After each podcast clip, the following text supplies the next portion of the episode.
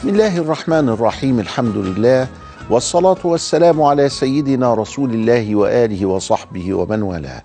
أيها الإخوة المشاهدون أيتها الأخوات المشاهدات في كل مكان السلام عليكم ورحمة الله وبركاته وأهلا ومرحبا بكم في حلقة جديدة من ربيع النبوة. عرفنا أن السيد عبد الله تزوج بالسيدة آمنة. السيد عبد الله والسيدة آمنة هم قد ولد رسول الله صلى الله عليه وسلم. أبو وأم رسول الله. محمد بن عبد الله وآمنة بنت وهب. وأن النبي صلى الله عليه وسلم له أعمام وبالتالي فله أولاد أعمام. ومن أعمامه الذين قد أسلموا العباس وحمزة. والعباس أنجب عبد الله بن العباس وكان عبد الله بن العباس هو الذي قال فيه رسول الله صلى الله عليه وسلم اللهم فقهه في الدين وعلمه التأويل. وسمي بحبر الأمة يعني العالم الكبير الذي يعني لا يشق له غبار في الفقه الإسلامي. وكان من العبادلة الذين حملوا الفقه الإسلامي عبد الله بن عباس عبد الله بن عمر عبد الله بن عمرو بن العاص عبد الله بن الزبير عبد الله بن مسعود رضي الله تعالى عنهم أجمعين من الصحابة الكرام. عبد الله بن عباس كان حبر الأمة وكان ترجمان القرآن. ولذلك ينسب إليه كثيرا أشياء تتعلق بتفسير القرآن. والنبي دعا له. أخوه قثم على وزن فعل زي عمر قثم. قثم هذا آخر من خرج من القبر عند دفن النبي صلى الله عليه وسلم.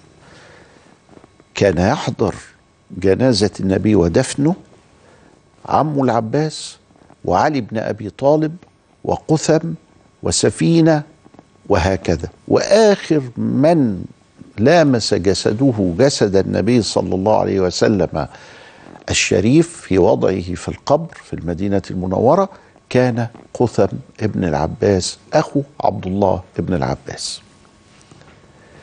العباس وحمزة أسلموا.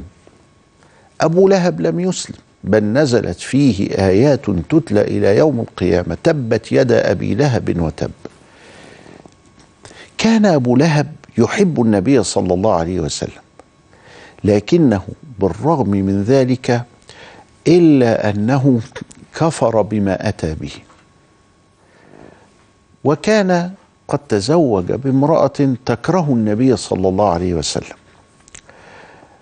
من حب أبي لهب في النبي فإنه كما ذكرنا أعتق ثويبة عندما أخبرته بمولد النبي. ثويبة عبد عند أبي لهب فلما قالت له يا سيدي آمنة بنت وهب جابت محمد فإنه فرح جدا وقال لها اذهبي فأنت حر لوجه الله تعالى. أبو لهب هذا خلف ولدين اسمه عتبة وعتيبة. فعتبة وعتيبة صمم أبو لهب إن هم يروحوا يخطبوا بنتي النبي صلى الله عليه وسلم رقية وأم كلثوم. النبي عنده أربع بنات زينب ورقية وأم كلثوم وفاطمة بترتيب الولادة كده.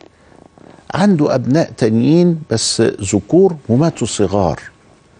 واحد اسمه القاسم فكانوا ينادوه يقولوا له يا أبا القاسم يا أبا القاسم لأن ابنه كان اسمه القاسم من السيدة خديجة. واحد اسمه عبد الله مسميه على اسم أبوه عبد الله محمد عبد الله ولكن أيضا مات وهو صغير.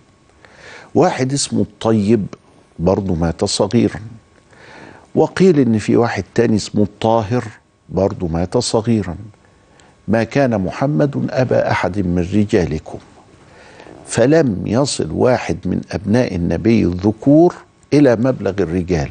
مبلغ الرجال ده يبدأ سن 15 سنة. لا كلهم ماتوا في سن ست سنين ثلاث سنين سنتين. ومنهم بعد ذلك في المدينة سيدنا إبراهيم ابن النبي عليه السلام والسيدة ماريا القبطيه اذا فأولاد النبي أربع بنات ومجموعة من الذكور إلا أن الأربع ذكور أو الخمس ذكور أو الثلاث ذكور كلهم ماتوا في حياة النبي وكلهم ماتوا صغارا. القاسم الطيب الطاهر عبد الله ويقال بقى إيه؟ عبد الله هو الطيب. الطاهر هو الطيب الطيب هو الاثنين دول ولا هم أفراد مختلفين؟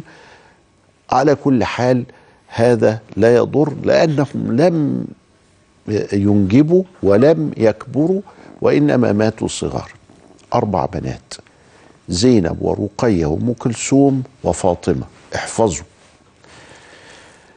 عتبة وعتيبة ولاد أبو لهب راحوا علشان يخطبوا ويتجوزوا ويكتبوا الكتاب كمان على رقية وأم كلثوم. والحمد لله ما دخلوش بيهم وأروى اللي هي حمالة الحطب اللي هي زوجة أبي لهب صممت على طلاقهم فطلقوهم.